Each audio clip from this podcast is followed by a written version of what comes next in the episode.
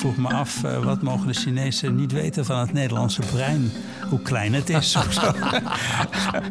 of hoe een klein sorry-kwapje we hebben. Het, uh, dat soort dingen. Welkom bij Master the Mind. In dit programma praat ik met toponderzoekers die zich bezighouden met de mysteries van ons brein. Ik denk dat armoede, poverty of, of financiële zorgen, de stress die dat alleen al met zich meebrengt, heeft dat soort negativiteit voor je hersenfuncties. Met name voor die functies die je juist nodig hebt om de goede beslissingen te nemen. Dit is een podcastserie van het Nederlands Herseninstituut en vandaag blikken we terug op het jaar 2022. Wat was dat nou voor een jaar voor ons brein? Te gast mijn twee favoriete hersenonderzoekers, neurobioloog Dick Swaap en neuropsycholoog Erik Scherder. Leuk, het is een jaar geleden, volgens mij hebben we hetzelfde gedaan. Ja. Toen ging het over uh, corona, het coronajaar. Wat doet dat coronajaar met ons? Ja, ja. Toen keken we ontzettend uit naar onze vrijheid die, die we zouden gaan herwinnen in uh, eh, 2022. Dick, heb je er een beetje van uh, lol mee getrapt? Van die vrijheid die je weer terug hebt nu? Nou ja, um, dat is op zichzelf voor mij heel fijn. Maar het is duidelijk dat toch heel veel mensen wat over hebben gehouden uit die periode. Zo'n 50% wordt er geschat van de promovendi heeft uh, psychologische problemen. En we zijn heel blij dat we in het instituut nou een systeem hebben waar binnen een paar dagen mensen uh, hulp kunnen krijgen. En dat is belangrijk. Het, uh, het werkt lang door. En dan heb je het over de psychische problemen. Want er zijn natuurlijk ook heel veel fysieke problemen nog. Mensen die met, met, met, lange fysieke klachten. Ja, maar ik denk dat dat bij, bij jonge mensen niet zoveel voorkomt. Dat zijn juist de psychische problemen uh, die doorwerken. En Erik, oké, dit begint niet al te vrolijk. Psychische problemen bij de, nee, bij de, de mentale problemen, die erken ik ook. Want ik werk natuurlijk gewoon ook nog net als dik fulltime. En ik zie mijn studenten. Mhm. Ehm, en daar heerst het ook heel bij. Want er is veel eenzaamheid is ontstaan. Door de studenten natuurlijk thuis zaten. En niet meer die, die ontmoetingen momenten hadden. Nou, een heel klein, dat is natuurlijk... Maar je moet het echt klein zien wat ik nu zeg. Maar we hebben daar om die reden ook gezegd... Oké, die studenten komen heel vaak met openbaar vervoer. Die zitten de hele dag op college. Die gaan weer terug naar huis met openbaar vervoer. Wij onderbreken naar de colleges na een half uur met drie minuten intensief bewegen. Al was het maar om, ja. om het maar erin te krijgen dat bewegen ook een normaal onderdeel van de dag kan zijn. En dat het ook een positief effect kan hebben. Het geneest niet alles en zo, dat is allemaal onzin. Maar het draagt bij aan een mentale well-being. Dus wij doen dat nu. En uh, met vier studenten doen we een squat uh, na een half uur. En uh, ja, dat is wel hilarisch op zich. Want ze vinden het natuurlijk op, op een of andere manier toch een, een, soort grap. Maar dat is het niet. Want ik heb eerst uitgelegd waarom je, waarom je het doet. Met goede, goede onderbouwing. En toen gezegd, nou gaan we het doen. En het leuke is dat nu als studenten zeggen na een half uur... Erik, Erik, moet je niet even die squat doen, weet je wel? Dus, ah. en we gaan het nou over de, alle universiteiten. Want het leuke was dat we hadden een bijeenkomst at de VU van de GA, dat is de uh, General Assembly. He, dan gaan alle rectoren en de voorzittersraden van bestuur van de universiteiten zijn dan te gast. Die doen zo'n tour door het land. En die waren ook de VU. En toen heb ik daar dat verhaal daar gehouden. En ik ben met ze gaan squatten. En ik heb gezegd, doet u ja of niet nee mee? Ondersteunt u de missie om echt een verandering aan te brengen... in die hele, ja, toch die lethargie van we zitten wel de hele dag, maar we voelen ons niet goed genoeg. Dat is de, uh, de, de, de, use it or lose it methode. Uh, die, dan, we, die exact, geleerd. Exact. Maar nou, het, het mooie is eigenlijk, dat meen ik echt oprecht, dat wat Dick in 1991, 1990 uh, naar voren bracht als het concept use it or lose it. Het is levendiger dan ooit nu. Wanneer, uh, nou Dick, als wij straks langer dan een half uur praten in deze podcast, dan moeten we squatten. Ja. daar kijk ik niet naar uit, dan kan ik het niet Dus we kappen het op dat moment, ja. ja maar het, uh, het neemt niet weg dat er een, een, ander probleem blijft. En dat is de enorme competitie in die leeftijdsgroep. En uh, die competitie is echt heel sterk geworden de afgelopen decennia. En zolang dat zo blijft, blijven ook de problemen toch uh, psychisch komen. En ik denk dat we ook goed moeten gaan kijken naar de oorzaak daarvan. Niet alleen de competitie binnen de promovendi, of juist wel binnen de promovendi? Ja, binnen onderzoeksmensen. en na de promotietijd, wat moeten ze dan? Want uh, zeggen, een postdocplaats is nog wel te krijgen, vooral in het buitenland. Mhm. Maar daarna een vaste plek ergens is ongelooflijk moeilijk op dit moment. Ja, ja, ja. ja, dat is een belangrijk punt. Hè? Maar wat je nou dus schetst, uh, Dick, we komen dus uit een coronatijd. Er is misschien een beetje eenzaamheid. Mensen hebben heel veel binnengezeten. Achterstanden opgelopen in hun uh, werk, in hun onderzoek. En ze gaan weer aan de slag. En er is ook nog heel veel competitie. En jij zegt van, joh, dit, die gasten, dit is gewoon too much. Ja, voor sommige mensen zeker. Ja. En merk je dat Ja. hier op het instituut of is dat wetenschapsbreed? Ehm, het is wetenschapsbreed. Ik eh, heb de eerste cijfers gezien bij een oncologiebijeenkomst. Kankerinstituut Promovendi. En daar kwamen ook de cijfers van 50% Dus eh, dat, dat leeft overal op dezelfde manier. Oh, dus we beginnen dit jaar 2022 met een achterstand Nou ja, in de wetenschap. Je kunt er zelf ja, je kunt zelf iets doortrekken. Dus ook de vastzittende mensen, de, de mensen die gewoon nu eh, dan een vaste plek hebben, dan wordt natuurlijk best heel veel van, van gevraagd. Hè? Je moet en heel goed zijn in het onderwijs, je moet heel goed onderzoek doen en publiceren. Je moet geld binnenhalen. En heb je nog de valorisatie. Dat betekent dat je naar de maatschappij moet stappen met alles wat je weet. En nou, hou dat maar eens hè, op dat niveau. Eh, ik zie wel eens die advertenties dat ik denk, vind je zo iemand? Als je ziet de hele lijst wat erin staat, dan denk je, nou, dat, dat, wordt lang, dat wordt lang zoeken. En ben je daar nog gelukkig mee? Want je moet het ook allemaal maar doen. En er loopt natuurlijk ook je privéleven naast en zo. Hè? Dus het, het is af- absoluut wat Dick zegt. Je kunt het zelf wat doortrekken naar de zittende mensen. Nu is squat natuurlijk goed. Dat staat natuurlijk ook een beetje symbool voor jouw oproep. Jongens, ga nou Ja, bewegen. tuurlijk, We maar gaan dat niet lost alleen niet dit eh, squatten Nee. hier in de pauze. Dat, dat ga bewegen. Maar wat, er zitten natuurlijk ook wat fundamentelere dingen die moet, misschien moeten gebeuren. In de, hoe we de boel or- georganiseerd hebben. Wat we misschien verlangen en verwachten van de jonge onderzoekers. En, en wie is er dan aan het, zet eh, hier? je moet niet vergeten, het onderzoek is toch een internationaal bedrijf. En je kunt dat niet veranderen hier lokaal. Dat, Mhm. eh, dus daar zal echt eh, overal naar gekeken moeten worden op een of andere manier. Wat ik wel merk in- bij ons is dat bijvoorbeeld er veel meer waardering komt voor het onderwijs. Dus je kunt ook een carrière opbouwen in het onderwijs. Voorheen liep het onderwijs er min of meer een beetje naast. Hè? Het telde niet heel erg mee. Wilde je hoger opkomen, als je het zo wil zeggen. Een soort Eh, herwaardering van het onderwijs ja, zie je gebeuren. ja, je kunt echt dat een carrière bouwen tof. in het onderwijs. Ja. Maar daar moet je ook talent voor hebben. Ja, ja precies, tuurlijk. Ja. Ja. Ja, daar- in Ja. die zin verandert dat het niet. Ja. En, en voor jullie zelf, ik bedoel, je begint het jaar, je, we komen uit die coronatijd, je mag weer hier op, op kantoor komen, of wel, op, je mag weer in, in het laboratorium komen. Je mag Nou, weer- ik ben hier steeds geweest. Er zijn maar een paar weken geweest eh, dat we 50% bezetting mochten hebben. En toen hebben we shifts gemaakt van 9 tot 3 en van 3 tot 9 in mijn groep. Dus iedereen kon gewoon eh, zijn werk doen. Dus eh, wat dat betreft is er niet veel veranderd voor me. Nee. Worden er ook allemaal onderzoeken op gestart van wat voor effect heeft deze massale pandemie nou gehad op Mm. ons brein? Er gebeuren daar nog Jawel. Ja, interessante nou ja, er wordt heel veel onderzoek gedaan in die, in die COVID-periode met hele snelle publicaties. Is daar natuurlijk ook weer eens een beetje kritiek op, was het niet te snel. Maar eh, het was natuurlijk een de gelegenheid om eens te kijken wat gebeurt er nou op allerlei grond, hè, op allerlei vlakken. Ook, ook breinvlak, zeker.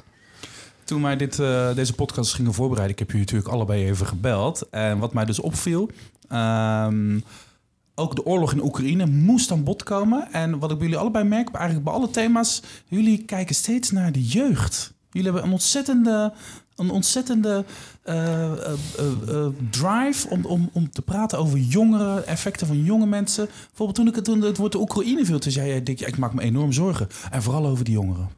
Ja, maar op onze leeftijd kun je over niks anders zorgen maken dan over jongeren.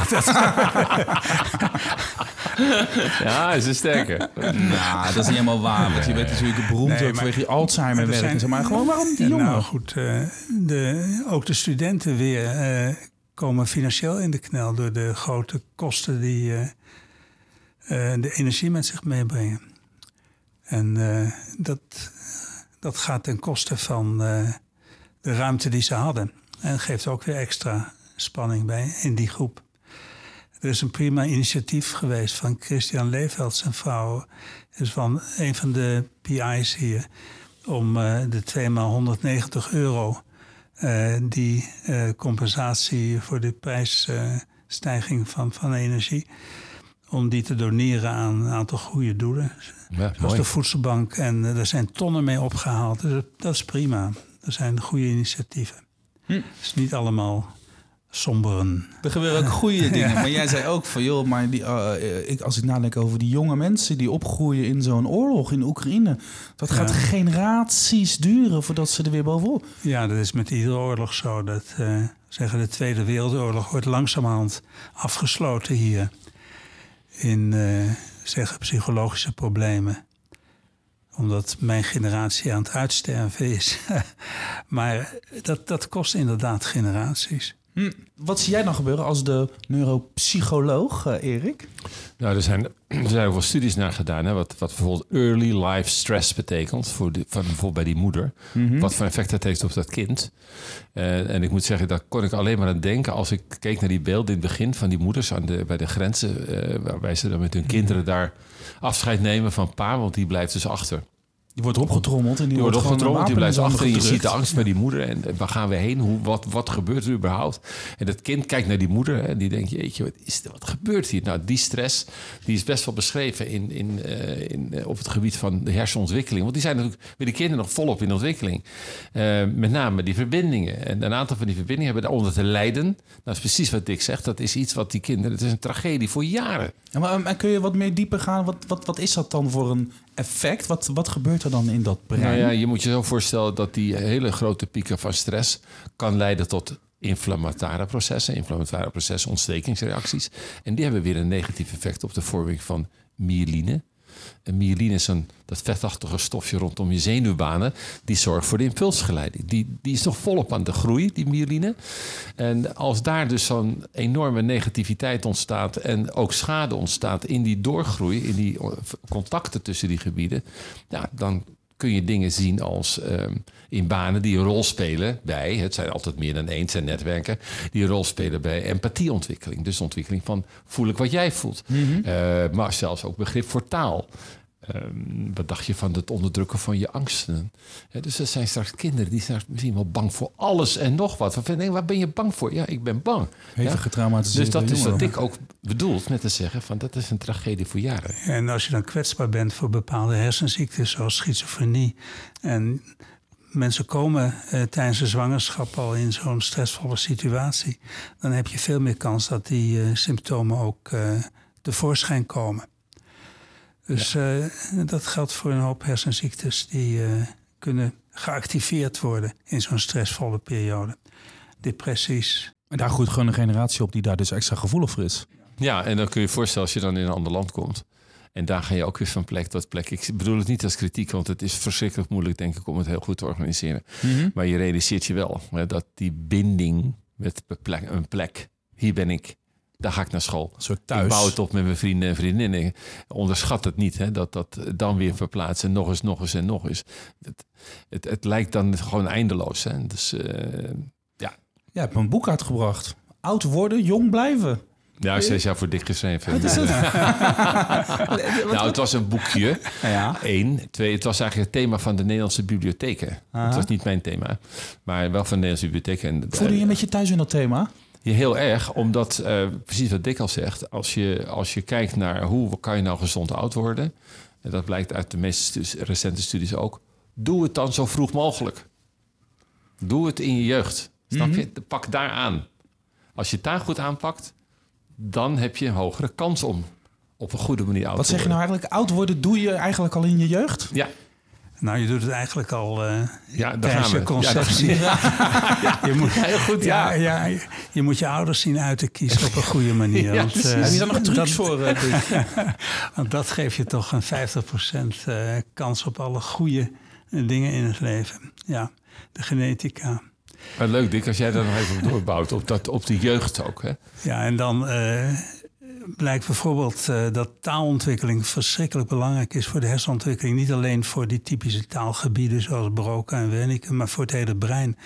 En als je tweetalig opgroeit met eh, vader en moeder die een eh, verschillende taal met je spreken, dan krijg je een extra stimulans, een extra reserve.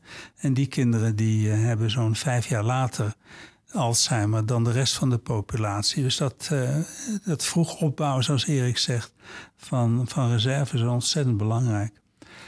En verder is het inderdaad eh, zeggen, een, een goede opleiding, een goede eh, scholing. Een baan die eisen aan je stelt, iedere dag weer. Dus je moet een beetje uitdagen. Ja, en, en dat moet zo blijven tot, tot het einde. Die uitdaging, ja. Ja, Erik vertelde hier voor de opname dat hij een paar jaar geleden is begonnen met uh, viool spelen. Het ligt dit jaar was het een beetje lag het een beetje stilletjes. Zeker, op. zeker. Maar je bent begonnen. ja. Ook met het idee, ik vind het leuk, maar ook een beetje use it or lose it. Ja, ja, ja. maar om, om, even terug wat Dick vertelt. Hè. Als je dan bijvoorbeeld nu kijkt hoe het, hoe het in Nederland gaat. Het is in Nederland niet de enige. Hè, maar kijk naar die moeilijkere wijken waar mensen het moeilijk hebben. Zo moet ik het zeggen. Hè. Dat mhm. niet morgen wakker worden met wat heb ik weer een geweldig leven. Eh, waar die kinderen het moeilijk hebben. Dat is ook nieuws van afgelopen jaren. Gewoon kids die gewoon eh, zonder eten naar school gaan ja, ja, precies. Kijk naar de afgelopen periode dat er drie, op de, drie kinderen op de klas niet meer naar de sportvereniging kunnen vanwege het gebrek aan geld. We zullen het waarschijnlijk nog over armoede en, en financiële problemen ook hebben. Maar ook uit dit oogpunt, hè, dus die tweespalt is steeds groter aan het worden. Natuurlijk ook door de energiecrisis enzovoorts. Maar dan moet je eigenlijk dit verhaal van Dick in betrekken. Hè? Dat hoeveel kans krijgen die kinderen? Dus de erfelijke factor natuurlijk, maar er is ook een omgevingsfactor. En daar zouden we ons eigenlijk veel drukker om moeten maken, omdat het een hele grote groep treft. Die, nou, die was al minder kansrijk. Mhm. Dat wordt nog minder kansrijk. Dus als je het hebt over gezond oud worden, of zo gezond mogelijk, hè, je voorkomt er niks mee, maar je kunt wel de risico's verkleinen. Ja, dan is dat punt van, van, van Dick is, uh, cruciaal. Die armoede en, en, en zeg maar de, gevo de, uh, de gevolgen van uh, de inflatie en alles wat duurde, de zakken mensen door het ijs. Dat, er zit best wel grote pro pro problemen. Daar wil ik het over hebben. Ik wil eerst even kijken. Ik vind het altijd een beetje leuk. Dat vind jij volgens mij ook leuk om, om, om Dick een beetje te pesten. Wat, wat, wat doe jij eigenlijk om jong te blijven, Dick? Wat zo een viool oppakken, dat is niet iets wat jij volgens mij doet. Nee, nee. En uh, sport, dat uh, doe ik ook niet.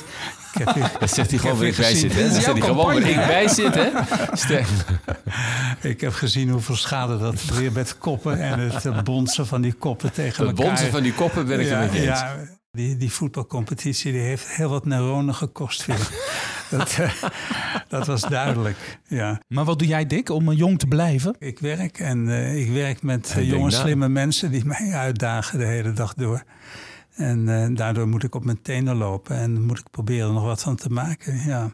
Dat is een enorme stimulans. Merk je dat je ook wat ouder begint te worden? Merk je het ook? Of denk je van, nou, ik kan ze wel hebben, die jonkies? Uh, nou, nee. Ik uh, zeg in, in de interactie met, uh, met mijn promovendi merk ik niet dat ik oud word. Nee. Wel als ik de trap neem natuurlijk. Maar, maar dat had hij al toen hij 40 was. Laten we, laten we daar duidelijk over zijn. Nee, maar, wat, nou, jij een ontzettende blijheid. Hè? Want ik ging, wat, uh, jij was wat later hier bij deze opname. Dus, en je, en je, te, je stuurde dik een tekstje. Ik, ik ben er. Dus ik ging met de lift twee verdiepingen naar beneden. en toen was je daar niet meer. Dus ik weer met de lift omhoog. En toen stapte jij zo om het hoekje ja. van een trap. Jij, ja, jij pakt gewoon de trap. Natuurlijk. Maar ik, ik wat ik heel persoonlijk, maar ik zou het toch af willen van die stereotypering van het ouder worden. Ik vind het echt belachelijk. Ik bedoel, waarom moet je als je naar mij kijkt denken... ja, dat is ouder iemand, komt natuurlijk door je kleur van jaar... maar waarom moet ik dan ook vergeetachtiger worden? Nou, het zal waarschijnlijk niet allemaal meer zo goed gaan. Wat een flauwekul. De variatie binnen de groep is veel groter dan tussen jong en oud. Mhm. Er zijn 32-jarigen die denken, het is wel mooi zo... dat doe ik nog 30 jaar. En er zijn ook 65-jarigen die denken... of dik, nog, veel, nog wat ouder... die gewoon vol ervoor gaan. Dat, dat is het. Niet dus, En, ik, en weet je, er zijn studies die laten zien... dat als je zo denkt, hè, van nou ja, het is al wat minder en zo. Dan doe je het ook minder. Dus waar, waar zijn we mee bezig? Houd ermee op. Als je nu kijkt naar hoeveel oudere mensen, ouderen, senioren, weer graag naar de, naar de, naar de arbeid gaan, hè? weer mhm. teruggaan in de maatschappij. En dan wordt er naar gekeken van, we hebben handeltekort, een, een bakken handeltekort. En dan nou ja, nou ja, moeten we dat nog wel doen? Waar staat dat op? Dus dat is echt een stereotypering. Herken je dat, Dick? Is, is dat zo? Is er een soort verband tussen zeg maar, je mindset en hoe, hoe je naar je eigen leven kijkt en, en, en, en je fysieke gezondheid? Kun je jezelf ik, uh, fit denken? Mijn brein voelt nog altijd 18 jaar. Ja. En, uh, dat brengt me wel eens in de problemen. Willen we weten hoe of niet? Ja, daar gaat hij hier niet over vertellen. Maar nee, het, uh, het is natuurlijk zo. Je, ja, er zijn mensen die moet je al met emeritaat sturen als ze 35 zijn. Ja. Dan zijn ze eigenlijk al klaar. Oké, jij zei het net al, hè? Er zijn mensen in de pro problemen. We hebben economisch is het zwaar. Inflatie, alles wordt duurder. We kwamen uit corona, we hebben hernieuwde vrijheid. Wordt oorlog in Oekraïne. En uh, financieel wordt het een zootje. Alle prijzen stijgen. Wat doet dat met, met, met het koppie? Ja, ik denk dat Dick en ik samen daar een goed antwoord op formuleren. Hoor. Ik denk dat armoede, poverty of, of financiële zorgen. De stress die dat alleen al met zich meebrengt, heeft dat soort negativiteit voor je hersenfuncties. Met name voor die functies die je juist nodig hebt om de goede beslissingen te nemen. Dus je, als je denkt van nou, ik, ik heb wat geld, ik ga iets kopen en je kunt dat goed beredeneren, is er niks mis mee. Maar als je eigenlijk te weinig geld hebt en je hebt veel stress, dan heb je wat hoger risico. Dan moet je altijd, zo moet je altijd praten. Dat je de juiste, niet juiste beslissingen neemt. Dat je, waarom heb je dat nou gedaan? Had er even over nagedacht. Kan je die mensen niet kwalijk nemen? Laat dat helder zijn. Dat is een gevolg van steeds maar weer in die stress zitten. Dick, hoe kijk jij ernaar? Net zo. Ja, en uh, het is duidelijk dat een steeds grotere groep in Nederland uh, in de financiële problemen komt. En daar moet echt iets aan gebeuren de komende tijd. Wat kunnen we doen? Is dat een zaak van de overheid, Dick? Of wat, jij ja. zei net over het wetenschap. Van, ja, dat is een internationaal opererend veld. Lastig, lastig. Ik weet niet zo goed wat we dan kunnen doen om die promovendi een beetje te ontlasten. Maar als het gaat over de samenleving en de economie, financiële problemen. Ja, er is natuurlijk een hartverwarmende actie om die 190 euro die je krijgt naar de voedselbank. Nou, ik denk dat je dat natuurlijk mooi vindt. Maar is er, moet er een soort beleid zijn of zo? Wat, wat kun je doen? Uh, stemmen op de juiste partij, denk ik. oh, we krijgen een ja. stemadvies nu. Ja. stemadvies. ja, je moet die partijen goed in de gaten houden. En uh, dan de juiste beslissing nemen over een paar jaar. Um, ja, ik, ik, denk dat we van dit onderwerp ook maar af moeten stappen. Ja. Wetenschappelijke doorbraken. Wat is er in 2022 op hersengebied allemaal gebeurd? Ja, ik ben altijd uh, een beetje allergisch voor die medische doorbraken en zo. Want uh, er wordt iedere keer weer een uh, doorbraak bij Alzheimer aangekondigd... die tot nu toe nooit iets op heeft geleverd waar de patiënten wat van gemerkt hebben. En anderzijds, ik hoorde laatst op de autoradio toen ik naar huis reed... iets waarvan ik dacht, nou, dat zou wel eens een doorbraak kunnen zijn. Maar daar heeft niemand nog op gewezen. Het, de NS onze spoorwegen. En die hebben dit jaar 50.000 um, spullen in de trein gevonden die achtergelaten waren. Nou, dat schijnt een record te zijn. Maar er waren drie rolstoelen bij. En dat betekent dat drie mensen het afgelopen jaar met een rolstoel in de, uh, in, in de trein zijn gestapt. De zonder rolstoel en de rolstoel eruit. dus er heeft een uh, bijzondere genezing plaatsgevonden. dat, uh, dat is een echte doorbraak. Maar je hebt geen mij. publicatie over gelezen, denk ik. Hè? Over nee, nee, nee, nee, maar daarom wou ik er even aandacht op vestigen. dat is nou eens een echte doorbraak. ja.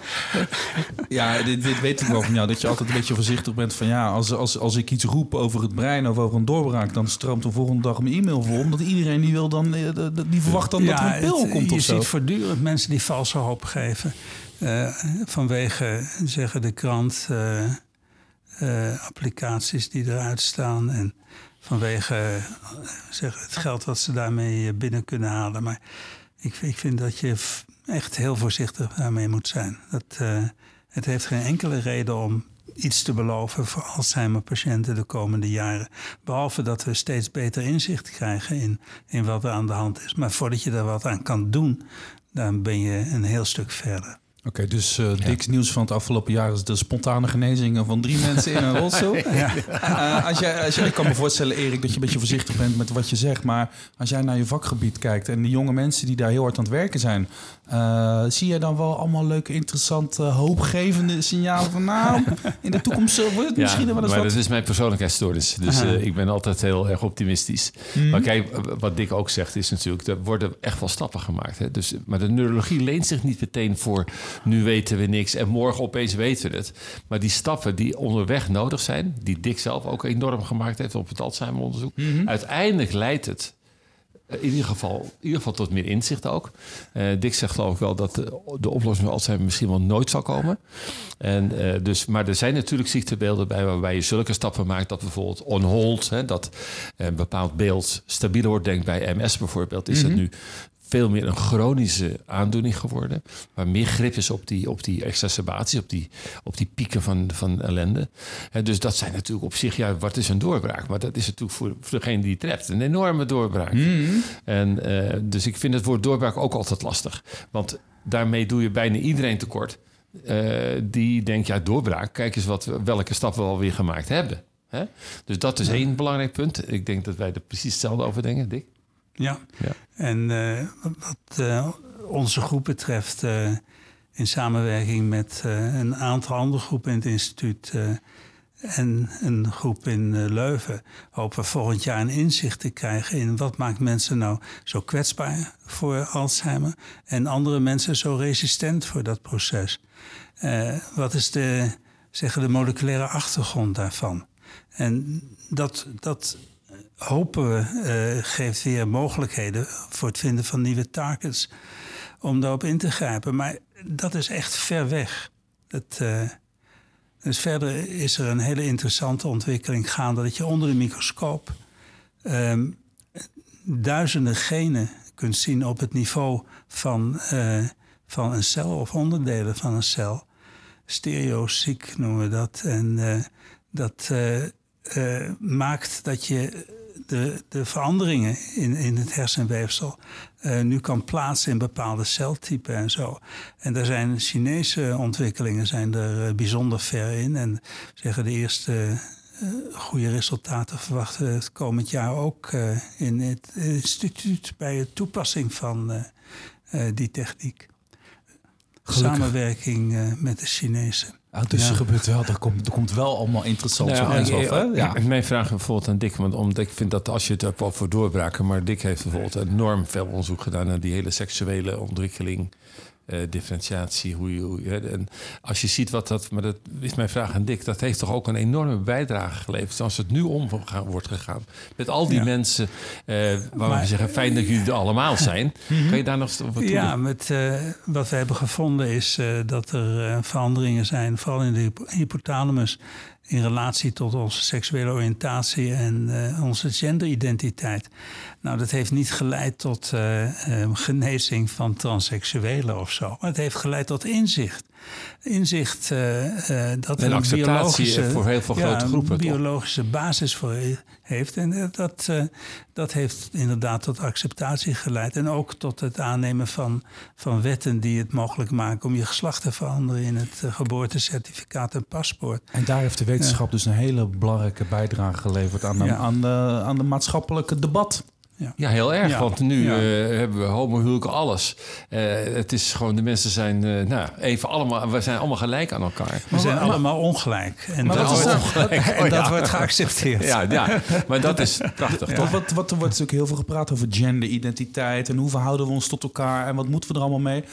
kun je dan uitleggen hoe dat dan is? Is het, het, het is meer, wat je hebt het volgens mij wel eens uitgelegd tegen mij. Het is meer een soort, jouw seksuele voorkeur, het is meer een schaal dus niemand is 100% man, 100%. Je zit ergens op een, op een schaal. Uh, en naarmate een samenleving meer uh, ja, zeg maar, een... tolerant is, kun je ook uiten dat je niet per se ergens op het aan het uiterste van die schaal zit. Zo ja, het is een voorbeeld van alle variatie die er is in al ons gedrag. En uh, die zijn oorsprong vindt in alle variatie in het brein. En de variatie was de motor van de evolutie. En die variatie die hebben we ook in onze seksuele oriëntatie, in onze genderidentiteit. Dus uh, voor seksuele oriëntatie betekent dat dat het niet alleen maar homoseksuele en heteroseksuele mensen zijn, maar ook biseksuele mensen. Dus alles ertussenin komt ook voor. En hetzelfde geldt voor genderidentiteit. Er zijn niet alleen maar mensen die zich man of vrouw voelen, maar daartussenin komen ook alle variaties voor. Dus uh, komt. Uh, zo één keer per jaar komt er uh, iemand bij me en die zegt: Dit jaar ga ik van geslacht veranderen. Hij is nu 67 en ik zie het er niet meer van komen. Maar dat is iemand die gewoon in het midden zit en blijft zitten. altijd een beetje ja. te zoeken van ja. wie ben ik nou? Wat, wat en wie ben ik nou eigenlijk? Als je het hebt over een, ook een maatschappelijk uitermate belangrijke doorbraak... is dat niet van de ene dag op de andere uiteraard. Maar het is het wel. Hè? Maar dit, dit, dit weet jij al een tijdje en het is nu heel relevant. Het is super actueel. Ja, het duurt altijd uh, nogal wat jaren voordat uh, ideeën uit het uh, onderzoek in de maatschappij terechtkomen en breed bekend zijn. Ja, ja. Ik moest wel een beetje, jij, ik moest een beetje lachen om jij. Jij zat te grinniken toen we aan het wachten waren op, op, op Erik. En ik vroeg over van die wetenschappelijke doorbraken. Zat je een beetje te mopperen over, ja, ja, ja. Ik word tegenwoordig gevraagd om formulieren in te vullen. Over de vraag: eh, wat is eh, spionage? Hoe noem je dit nou? Wat is nou? Ja, de spionagegevoeligheid voor Chinezen van het onderzoek. ja. Ja, ja de Is dat vanwege komen. jouw rol in China? Eh, en nee, hier, Oh, hier, oh, in hier, Nederland, oh, oh, hier ja. in Nederland is Oh. men bezig om daar naar te kijken. Dus ik vroeg me af, eh, wat mogen de Chinezen niet weten van het Nederlandse brein? Hoe klein het is of zo. of hoe een klein sorry-kwapje we hebben. Want, eh, dat soort dingen. Ja, en eh, god, we werken samen met Chinezen. En ik moet zeggen dat zij op technisch terrein eh, op dit moment verder zijn dan wij. Zoals ik zei, stereoziek eh, is de techniek in China een stuk verder dan in het Westen. En we zijn dolblij dat we goede samenwerking met ze hebben. En ik zie daar geen enkel eh, spionagegevoeligheid eh, in. Nee. Maar dit, dit heeft natuurlijk een oorsprong. Hè? Het gaat volgens mij vaak over eh, digitalisering. We hebben heel Ja. veel informatie die misschien van buitenaf benaderbaar is. Ze gaan er misschien met onze kennis vandoor. Maar is, zijn, we, zijn we of is de wetenschappelijke wereld hier een beetje paranoia? Nou, wat zeggen onze discipline betreft, het eh, hersenonderzoek, dat is een internationaal gegeven. Dat eh, mensen in China zijn opgeleid eh, in het Westen, de, mensen die het onderzoek leiden. En ze werken allemaal samen met mensen in het Westen. En wij werken samen met vele mensen uit vele landen. En ik geloof dat hier in het instituut twintig nationaliteiten zijn. En er is niks te spioneren, er is alleen maar hard te werken. En Het zou toch zorgen wel dat mooi we- zijn, eh, Erik, als straks in China... dat er gewoon een miljard mensen in de lunchpauze tegelijkertijd aan het squatten gaan. Omdat ze dat van jou hebben afgekeken. Oh, maar China hoef je niet aan het bewegen te krijgen, want dat doen ze al. En heel goed. En de generatie, alle generaties met elkaar. Hè, dus als ik die foto's van Dick wil eens zien, want Dick is natuurlijk veel in China. En eh, dan zie je dat de grote ouders met hun kleinkinderen op het plein... gewoon s'morgens de dag beginnen eh, al met gewoon bewegen. Dat is normaal. En ze dansen op de pleinen. Nou ja, Dick Ja. moet het eigenlijk vertellen. Maar eh, het is een bewegend eh, volk. Ja, wordt er Nee, veel gedanst? Ja, ja. Het eh, zeggen de ouderen die, eh, die dansen eh, op alle plekken waar dat mogelijk is. Ze hebben enorme loudspeakers die veel eh, eh, irritaties geven. En eh, soms proberen mensen ze te verwijderen, maar je ziet ze overal. Eh, dansen, muziek maken, eh, toneel spelen. Ehm, dat, eh, ze zijn heel actief eh, bezig. En natuurlijk met de typisch Chinese vechtsport ook eh, oudere mensen die, eh, die mooie vloeiende bewegingen maken. Het, eh, en, en de ouderen inderdaad worden voortdurend natuurlijk ingeschakeld. Man en vrouw werken, allebei. En die kinderen die eh, worden opgevoed door eh, de grootouders. En je ziet op de campus zie je ook eh, de grootouders met die eh, jonge kinderen rond eh, Oh gaan. Ja. Ja, leuk, ja. Ja. Hmm, dat is misschien ook wel Leuk. te dansend het nieuwe jaar in gaan. Erik. Nou, dansen. Dansen, er is niet. eh, veel over te vertellen, hoor, kan ik je zeggen. Maar dat we is toch interessant? Zeker, nee, maar die, zijn er ook. Dansen is een combinatie van bewegen en muziek. En nog een keer Coördinatie, gewoon die, eh, de emoties die erbij komen. En eh, dus ja, nee, over dansen kun je ook eindeloos eh, aparte podcasts maken hoor. Ja, je had een eh, fantastisch filmpje laatst ook weer over Parkinson-patiënt. Ja, Die eh, schuifelt en zijn voeten kleven aan de grond eh, vast. Maar als je dan muziek opzet, dan opeens kan hij dansen. Dan zijn die eh, bewegingen vloeiend. Maar dat is toch eh, magic, hè? Ja, ja, ja, dat is als je het ziet is het zeker Ja. magic. Ja. Wauw. Ja. Wat, wat, wat vinden ze daar in China van? Want jij komt daar natuurlijk vaak, misschien het afgelopen jaar wat minder, omdat de reizen die kant op misschien een beetje ingewikkeld is, vanwege corona nog steeds. Maar als jij tegen jouw collega's zou vertelt dat jij in Nederland formuliertjes moet invullen voor eh spionagegevoelige onderzoeken wat jullie doen, wat, wat zeggen ze dan? Hoe Oh. kijken ze je dan aan? Eh, Dat, eh, dat heb ik al met ze gedeeld en we lachen veel. We hebben iedere dag hebben, communiceren we met elkaar de groep daar in China. Er zit een aantal van mijn promovendi ook. En we hebben een hoop lol over deze dingen. Dat, Ja, ja.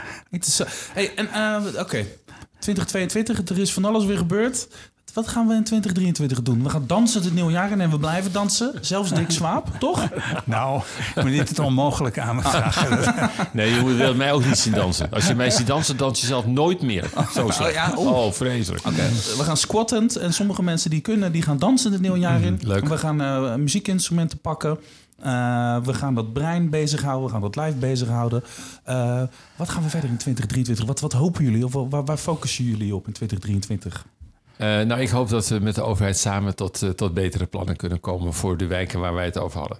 Hè, dat, daar, we- dat we daar echt een, een impuls kunnen geven voor ehm, eh, juist die mensen. En, en wat ik daar eh, een beetje aan gekoppeld is. Kijk, eh, het is heel, dat vind ik ook heel merkwaardig. De afgelopen jaren is bijvoorbeeld het onderwijs. Op de, het primair onderwijs, het voortgezet is enorm afgeroomd. Want het moest allemaal naar rekenen en taal gaan. Wat je je kan voorstellen. Hè. Eh, of schoon ik wel bij toen het curriculum.nu kwam, dat is dus de voorzetting van het programma van Paul Snabel, 2032, eh, kwam curriculum.nu. En toen heb ik daar nog bij die gelegenheid, werd ik eh, nog eens verteld hoe het belang was van muziek in het onderwijs en van bewegen in het onderwijs. Hè. Dus die combinatie, dat die zenuwcellen daar juist enorm goed op reageren. Eh, nou, dat maakt niet op zich niet uit wat mij betreft, maar ze hebben er in ieder geval niets mee gedaan. Want vijf jaar lang is het toch helemaal gegaan over rekenen en taal, zonder muziek en zonder bewegen erin. Wat is er gebeurd met rekenen en taal in Nederland de afgelopen vijf jaar? We hebben het allemaal kunnen lezen. Het is nog slechter gegaan. Dus nu stellen wij voor aan de, aan de mensen die erover gaan. Hoe lang blijft u daar nou nog mee doorgaan op die manier? Haal nou die hele verrijking terug in het onderwijs. Want wij zijn, er zijn genoeg studies laten zien dat het overlappende netwerken zijn. die en met muziek bezig zijn, en met rekenen en met taal. Want er zitten allemaal ruimtelijke aspecten in. Dus kan je heel goed laten zien. En elk neuron wil graag anders worden aangestuurd. En niet steeds hetzelfde wordt aangestuurd. Dus, maar tot nu toe nul. Want als je dus kijkt, van de week was, heb ik niet gezien, maar er was er iemand geloof ik bij een van die talkshows. En die zei, er wordt nu nog meer ingezet op rekenen en taal. Maar ja, dus het is, dat is mijn hoop voor dit jaar. Jij gaat het onderwijs eh, een duw geven Nou, en je nee, gaat want de dat lukt niet. Maar nee, dat lukt niet. Dat, is, dat, is een, dat is iets wat ik... Maar wel dat ik met de overheid aan tafel blijf zitten... om hun erop te wijzen. En eh, Dick, waar kijk jij naar uit 2023? Wat zijn jouw plannen? Nou, een van de dingen die, eh, eh, die ik fijn vind is dat er een proefschrift verdedigd kan worden voor de zomer, hoop ik. Over eh, de moleculaire achtergrond van suïcide. En suïcide is natuurlijk een enorm probleem. Wereldwijd zijn er miljoen suïcides per jaar. Dat zijn eh hoge getallen dan door alle oorlogen en alle agressie over de wereld heen. En er zijn eigenlijk geen goede methoden om eh suïcide te voorkomen. Ehm, daar zijn de middelen niet voor. En er, wordt, er worden middelen gegeven die gebruikt worden tegen depressie. Maar wat we gevonden hebben, is dat eh, de moleculaire veranderingen bij depressie en suïcide maar heel gedeeltelijk overlappen. Dat die eh, voor suïcide voor het allergrootste deel specifiek voor suïcide zijn. Dat zijn andere mechanismen, moleculaire mechanismen. En daar zou je ook eh, specifieke targets eh, voor moeten vinden om die aan te spreken. En dan, En- als ik even mag onderbreken om het te snappen, gaat het er dan over dat depressie niet per se een voorspeller is voor zelfmoord? Maar mensen die daar gevoelens zijn, Ja. dat kan je misschien op een andere manier eh, ontdekken en, en, en dus ingrijpen. Is dat wat je zegt? Ja, dat, eh, er zijn mensen die depressief zijn en nooit aan eh suïcide denken. Er zijn mensen die depressief zijn en pogingen doen, geslaagde pogingen soms.